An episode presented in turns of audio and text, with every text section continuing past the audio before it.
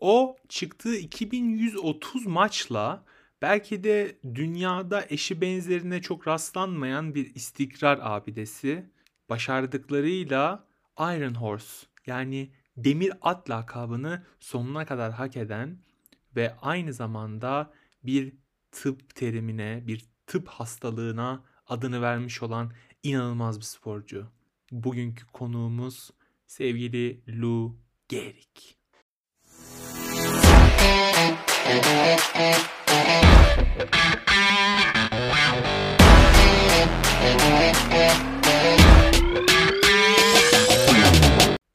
nöroloji kitabını açtığınızda eğer doktor değilseniz size Kiril alfabesi gibi gelen bir sürü sayfa içerisinde şöyle bir hastalığın ismine rastlarsınız.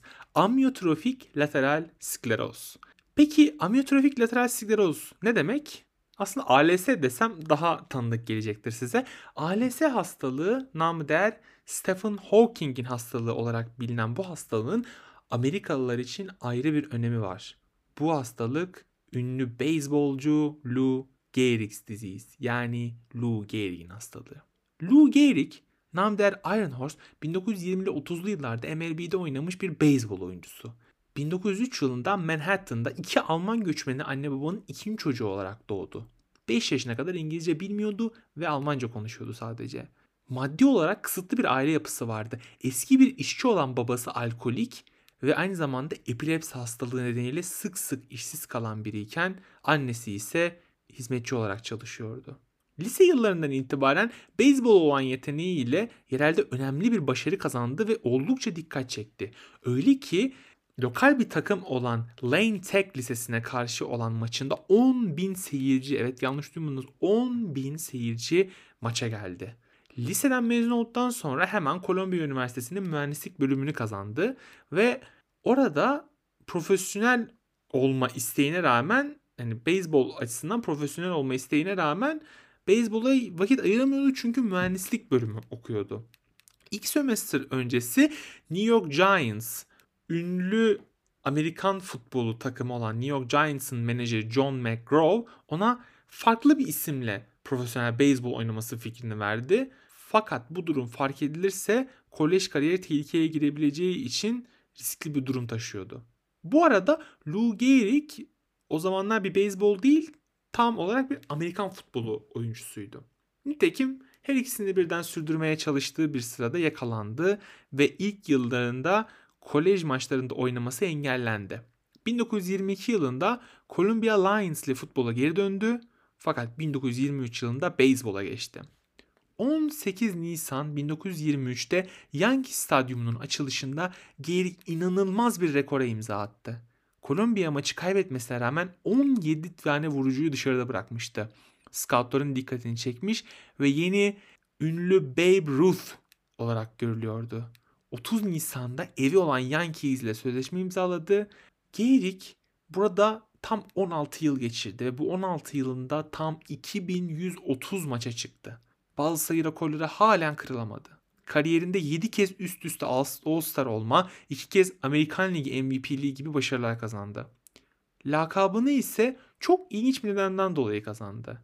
Birçok kez maç sırasında bilincini kaybetmişti fakat dayanıklılığıyla maça devam etmiş ve bu istikrarı sürdürerek Iron Horse yani demir at lakabını kazanmıştı.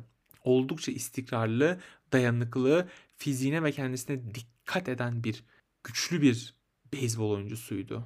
1939 yılına geldiğimizde ise eski gücünden oldukça uzaktı. Bir şeyler yolunda gitmiyordu. Kampta koordinasyonu ve hızı çok düşmüş, eski seviyesinden çok çok uzak bir performans sergiliyordu. 30 Nisan'da Washington Senators'a karşı 2130. maçından çıktı. 2 Mayıs'ta ise Briggs Stadyumunda yepyeni, inanılmaz, hiç kulaklara aşina olmayan bir ses belirdi.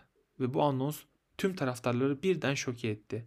Bayanlar baylar Lou Gehrig tam 2130 maç sonra ilk kez Yankee'nin başlangıç line-up'ında yani başlangıç kadrosunda değil. Detroit taraftarları yıldız oyuncuyu alkışlarken Lou Gehrig bench'te gözyaşları içerisinde oturuyor ve bu durum trajik sonun en önemli resimlerinden birini oluşturuyordu. Lou Gehrig sezonun geri kalanında kaptan olarak devam etti fakat bir daha asla oynayamayacaktı. Bundan sonrası ise filmin aslında en üzünlü kısımları. 36. yaş gününde ALS tanısı konulan Lou Gehrig'in hastalığı çok hızlı ilerledi. Yutmakta ve konuşmakta zorlanmaya başladı ve tahmini yaşam süresi 3 yıla kadar düştü. Fakat enteresan olan bir şey var ki buna rağmen mental fonksiyonlarının hiçbir bozulma yoktu. Tam bu noktada araya girerek size biraz da bu hastalıktan bahsetmek istiyorum. ALS yani amyotrofik lateral skleroz aslında motor nöron dediğimiz hareketle ilgili olan tüm organ ve sistemlerimiz ile ilgili bozulma ile giden bir hastalıktır.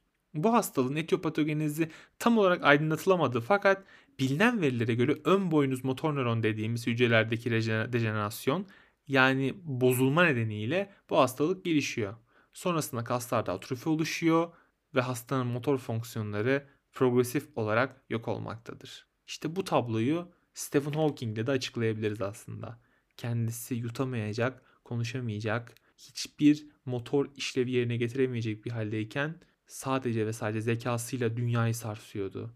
Uzay hakkındaki, evren hakkındaki düşünceleriyle belki de dünya bilim tarihinde eşi benzeri görülmeyen inanılmaz işlere imza attı. Biz konumuza geri dönelim. Lou Gehrig yani Iron Horse. Aslında yine anlayacağımız gibi Lou Gehrig zihinsel olarak hiçbir fonksiyonunu kaybetmedi. Sadece motor işlevleri hasar gördü ama o bir sporcuydu. O inanılmaz dayanıklı, inanılmaz güçlü. 16 yıllık kariyerini tam 2130 maç. Bir de bu 2130 maçta hepsinde başlangıç line-up'ında yani ilk kadrodaydı. Her zaman ilk başlayan oyunculardandı. Sadece motor işlevleri hasar gördü. Ve bu durumun sonrasında hani o ağır sporu, beyzbolu oynamayı bir kenara bırakıyorum. Yemek yemeyecek bir duruma gelmişti. Bu durum yeteneği ve istikrarıyla tarihe geçen bir sporcu için inanılmaz trajik bir durumdu. Düşünsenize dünyayı sarsıyorsunuz. Dünyada e, Iron Horse lakabını aldığınız darbelere rağmen bilincinizi kaybetmenize rağmen oynamanızla bu müthiş e, dayanıklılığınızla kazanıyorsunuz ve ne yazık ki sadece sizin motor işlevlerinizi engelleyen yani o bedene hapsolmanıza neden olan e, bir hastalıkla karşılaşıyorsunuz. Gerçekten çok trajik bir tablo. Lou Gehrig 36 yaşında hayatını kaybetti. Ünlü beyzbolcu genç yaşında ölünce bu trajik ölüm Amerika'da çok önemli, çok e, derin bir üzüntü yarattı. Öyle ki tüm sporlarda forması emekli edilen ilk sporcudur kendisi. 4 numaralı forması emekli edildikten sonra Amerikan e, spor tarihinde bu geleneğin ilk temsilcisi oldu. Bugün kırdığı rekorları tarihe geçen başarılarının yanında bir hastalığa verdiği isim ile tıp ve nöroloji dünyasında da adından yer alıyor. Evet, bugünkü konuğumuz Lou Ironhorse Gehrig'ti. Kendisinin hikayesini sizlere aktarmaya çalıştım. Ee, kendisi şu anda yani bu hikayeyle beraber biraz olsun ismini yaşatabildiysek de aslında e, çok önemli bir sporcu, çok e, insanları e, derinden etkileyen hikayesi olan bir sporcu. Biz de aslında yani doktorlar veya tıp fakültesinde okurken diyeyim e, biz kitaplarımızı karıştırırken Lou Gehrig's Disease diye bazı yerlerde karşımıza çıkardı. O yüzden hani derinlemesine incelemesek bile merak ederdik hani kim Lou Gehrig falan. E, Lou Gehrig anlattığım üzere Amerika'nın yetiştirdiği en büyük beyzbol oyuncularından bir tanesiydi. Özellikle 1930'lu yıllardan kalma bazı rekorların hala e, MLB'de kırabilmiş olan birileri yok. Ama e, bu hikayeden sonra aslında çıkartmamız gereken çok çok önemli, çok değerli dersler de var. Örneğin Lou Gehrig e, belki bu hastalığa yakalanmasaydı çok daha önemli, çok daha değerli işlere imza atabilirdi. Ama e, atamadı. Aslında belki de e, bedenimizin, sağlığımızın kıymetini bilmeliyiz. Koronavirüs gibi çok ağır bir süreçten geçiyor dünya ve aşılar üretiyoruz, ilaçlar üretiyoruz. Dünya olarak, dünya sağlık çalışanları olarak bu ağır tabloyla mücadele ediyoruz.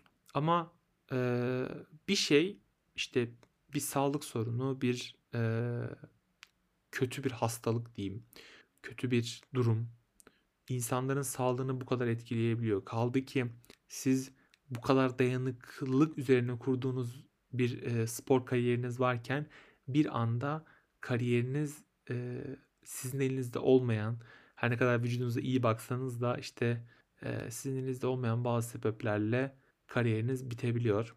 Çok trajik, çok acı. E, ama e, tabii öncesinde bahsettiğim gibi yani bu durumdan çıkartmamız gereken çok önemli dersler var. E, birincisi sağlığımıza iyi bakmalıyız, kendimize iyi bakmalıyız. İkincisi e, spor çok güzel bir aktivite. Yani hareket etmek, e, deşarj olmak, moral bulmak için, e, serotonin salgılamak için, aslında mutlu olabilmek için gerekli bir e, temel e, olgu diyeyim. Öyle açıklayabilirim. Bu sebepten hmm, her ne olursa olsun sporu sevmeyi, spor yapmayı ve ne kadar güçlüler, güçlük de olursa olsun onlara karşı mücadele etmeyi öğrenmemiz gerekiyor. Bugünlük bizden bu kadar. Dinlediğiniz için teşekkür ederim. Kendinize iyi bakın. Görüşmek dileğiyle. First baseman Lou Gehrig hung up an amazing mark by playing in 2,130 consecutive games. Then a fatal disease attacked baseball's Iron Man. In Yankee Stadium, touched to tears by the tribute, Gary made his last public appearance. For the past two weeks, you've been reading about a bad brag. Today, I consider myself the luckiest man on the face of the earth.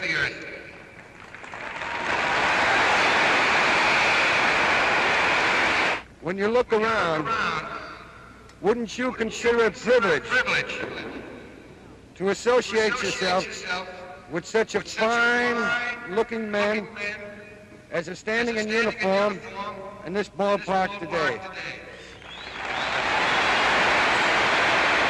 That I might have been given a bad break, but I've got an awful lot to live for. Thank you.